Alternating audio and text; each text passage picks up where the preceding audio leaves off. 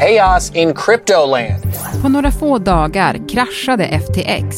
En av världens största börser för kryptovalutor. It took just days for the crypto exchange FTX to go from a $32 billion business to bankruptcy. Med ett eko som påminner om finanskrisen 2008.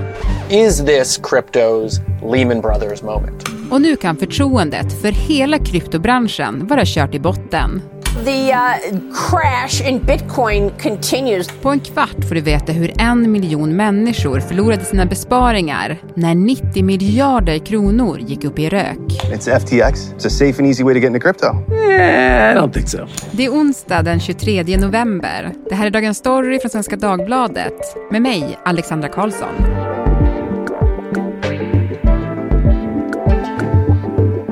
Björn Jeffrey, du skriver om techfrågor här på Svenska Dagbladet. Hallå! Hallå, hallå.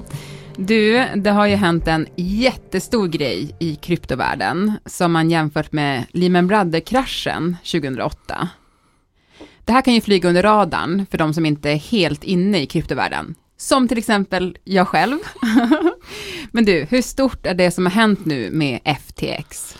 Alltså det är jättestort. Eh, FTX är en av de största kryptobörserna i hela världen eh, och kanske den som såg som den mest seriösa. Eh, om man jämför med liksom svenskt bankväsende, det skulle vara som om liksom SEB plötsligt gick i konkurs. Det var totalt oväntat, ingen hade tänkt sig och det ger liksom stora svallvågor i hela ekosystemet. Så att det, det är jätteallvarligt. Mm. Men du var lite inne på det nu, men alltså vad exakt är FTX? Det är då, det kallas en krypto exchange tror jag egentligen, det är som en börs kan man säga, där du, du kan köpa och sälja olika kryptovalutor. Um, men det är också stället där du har en massa av din valuta som du handlar med. Där, på det sättet liknar det lite mer som en bank, det vill säga att de, de, du har din, din valuta hos dem. Um, eller i det här fallet så trodde du att du hade den hos dem. det är där den sedermera började försvinna, men det, var där, det är där problemen också började uppstå. Ja, och de ska vi gå in på i det här avsnittet. Men först tänkte jag bara fråga, hur mycket pengar fanns det där då? Det saknas ungefär 8 miljarder dollar som är väl en 90 miljarder kronor ungefär. Men till de, de 50 största då fordringsägarna, de som hade mest pengar där, där verkar det vara ungefär 3,1 miljarder dollar, vilket är väl en ja, mellan 35 och 40 miljarder kronor någonstans där. Um, så det är ju väldigt, väldigt mycket pengar till få personer. Men ska också sägas att totalt så berör det kanske en miljon sparare. Alltså det är som om alla i hela Stockholm hade blivit av med pengar på ett bräde. Det, det, det berör fler än vad man kanske tror, även om det kanske inte är några enorma pengar för varenda person. Mm, det är helt sjukt. En miljon människor. Det är vad man tror åtminstone, men det är så dålig ordning på FTX när man försöker reda ut det, att de vet inte riktigt än. Vi måste gå in lite grann på grundaren. Sam Bankman-Fried.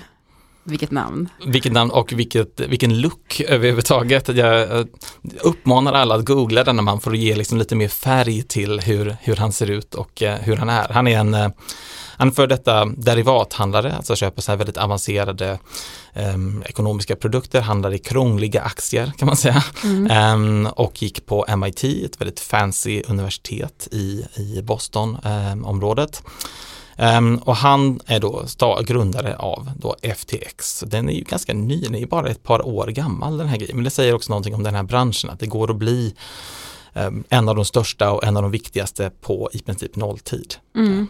Och han är ju inte så gammal heller, det tänkte jag på när jag googlade honom. Så kanske han ser ung ut liksom, men han är ju inte någon gammal man. Verkligen inte, han är liksom, han är väl 30 någonting tror jag. Ehm, och uh, precis har ju inte gjort någonting så länge, för vem har gjort det när man är 30? Så att han är ju inte liksom jätteerfaren. Um, så nu är det ju liksom väldigt många frågetecken kring hur kunde alla som investerar i det här bolaget tycka att den här killen som knappt har gjort någonting var en lämplig liksom, person att ja, dels få alla mina pengar men också att ta alla, alla andras uh, insatta pengar och ta hand om dem. Hej, jag Ryan Reynolds. På Mint Mobile, we like to do the opposite of what Big Wireless does. They charge you a lot we charge you a little. So naturally, when they announced they'd be raising their prices due to inflation, we decided to deflate our prices due to not hating you. That's right. We're cutting the price of Mint Unlimited from $30 a month to just $15 a month. Give it a try at mintmobile.com slash switch. $45 upfront for three months plus taxes and fees. Promote for new customers for limited time. Unlimited more than 40 gigabytes per month. Slows. Full terms at mintmobile.com.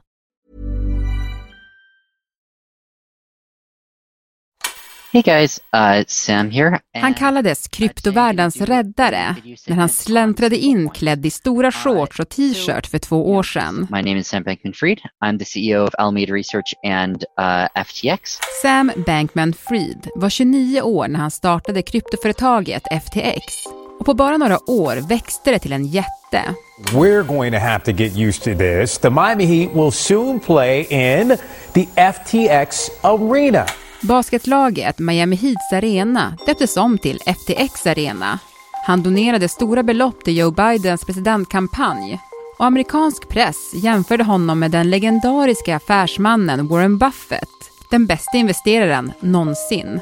You didn't own any Bitcoin five years ago, is that true? Uh, he's about five years ago that I traded my first my first Bitcoin. You're on the billionaires list. Yep. I slutet av oktober i år så hade Sam Bankman-Fried en förmögenhet på 10,5 miljarder dollar. Men den 8 november så kraschade FTX. FTX, one of the largest crypto exchanges, is now facing extinction.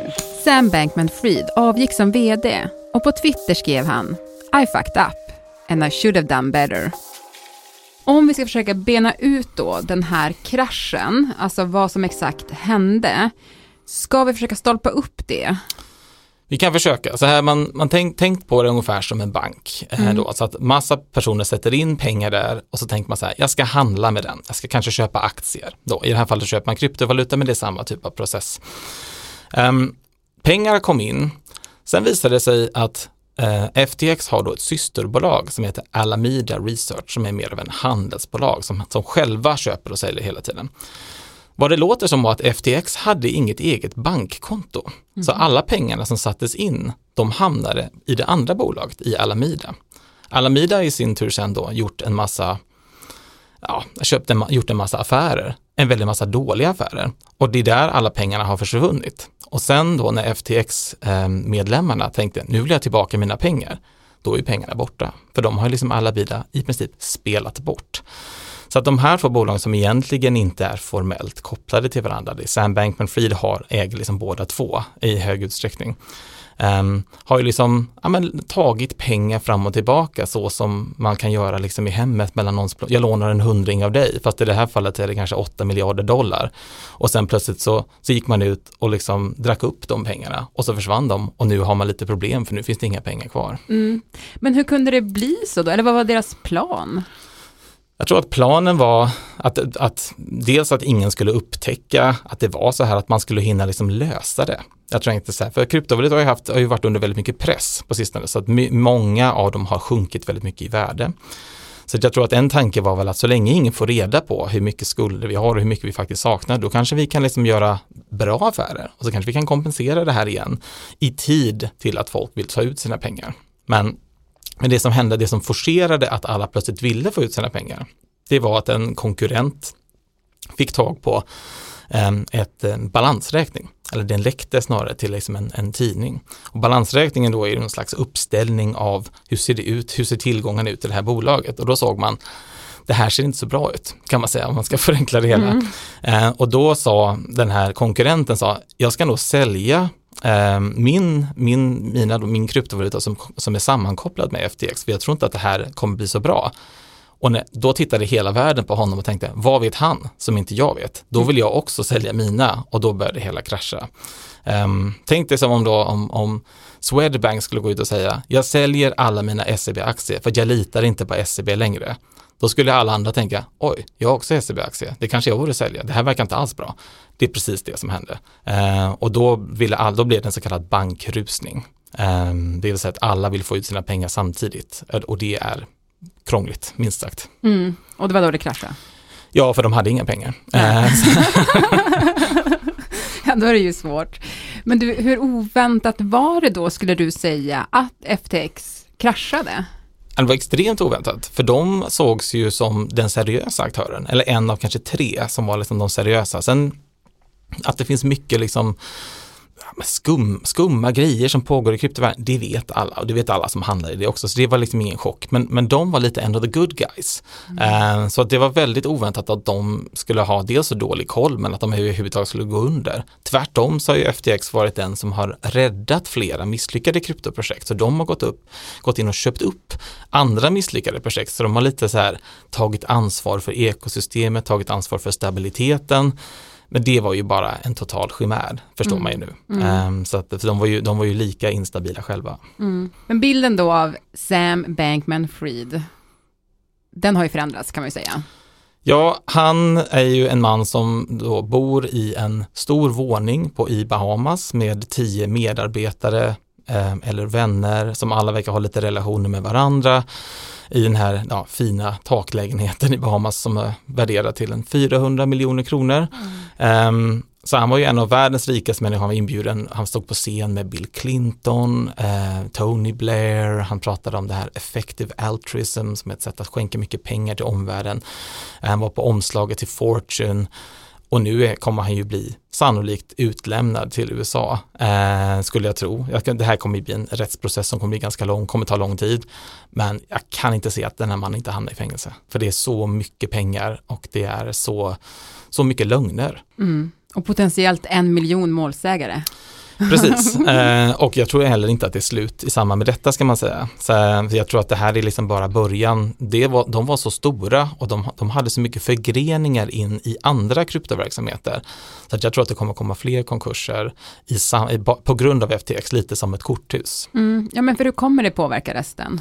Ja, men det, det, är väl, dels är det ju dels är det konsumentförtroendet som helt försvinner. Um, nu är det ju snart Thanksgiving i USA. Man tänker sig att förra året innan så var det ganska många som kom hem till sina familjer och sa du borde köpa kryptovalutor. Den konversationen kommer bli ganska frostig på årets Thanksgiving för det har inte gått så bra för detta. Eh, och den här typen av händelser hjälper inte när det kommer till liksom att bygga förtroende.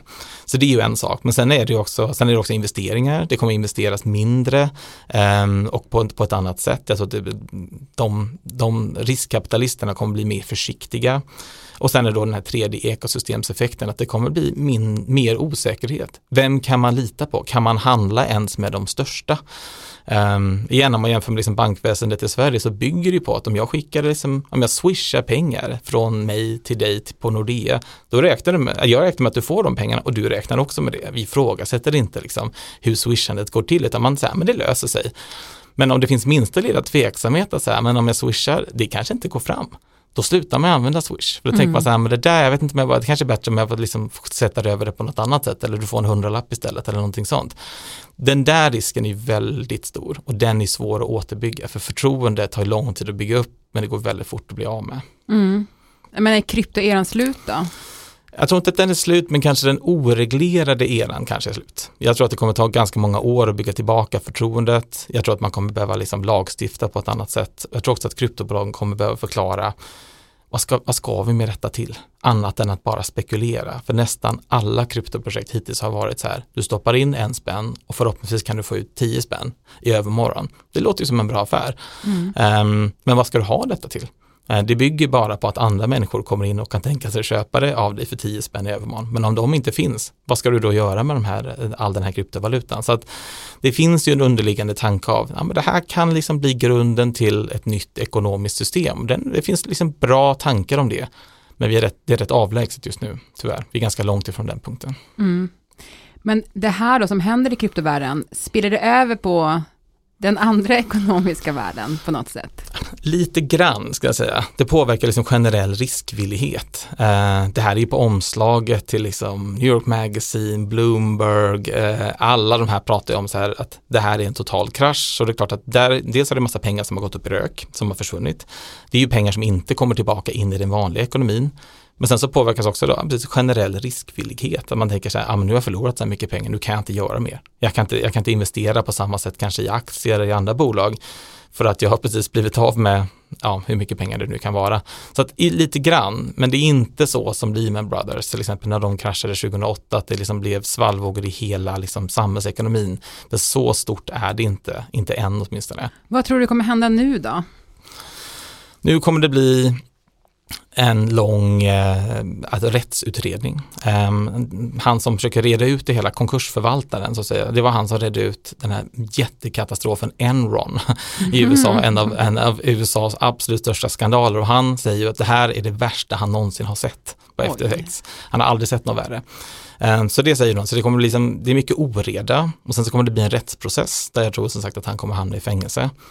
Ehm, men det man mest ser fram emot är väl kanske att um, han som skrev boken The Big Short, Michael Lewis, han har följt Sam Bankman-Fried i sex månader innan detta mm. för att liksom hitta material till en ny bok. Och han har ju hittat alltså årets guldgruva. Så att det är väl det man ser mest fram emot, att det kommer bli en otrolig bok och det kommer bli en otrolig liksom, serie på Netflix mm. eh, om, inom två år, skulle mm. jag tro. Så den, den ser vi fram emot. det gör vi. Tack så jättemycket Björn för att du var med i Dagens Story. Tack själv. Burrows furniture is built for the way you live. From ensuring easy assembly and disassembly to honoring highly requested new colors for their award-winning seating, they always have their customers in mind. Their modular seating is made out of durable materials to last and grow with you. And with Burrow, you always get fast, free shipping. Get up to 60% off during Burrow's Memorial Day sale at burrow.com slash ACAST. That's burrow.com slash ACAST. burrow.com slash ACAST.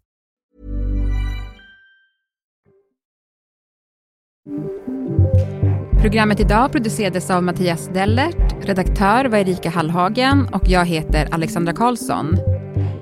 Vill du kontakta oss så mejla till dagensstory.svd.se. Klippen i programmet kom från CBS, CNN, CNBC, NBC, Fox News och FTX.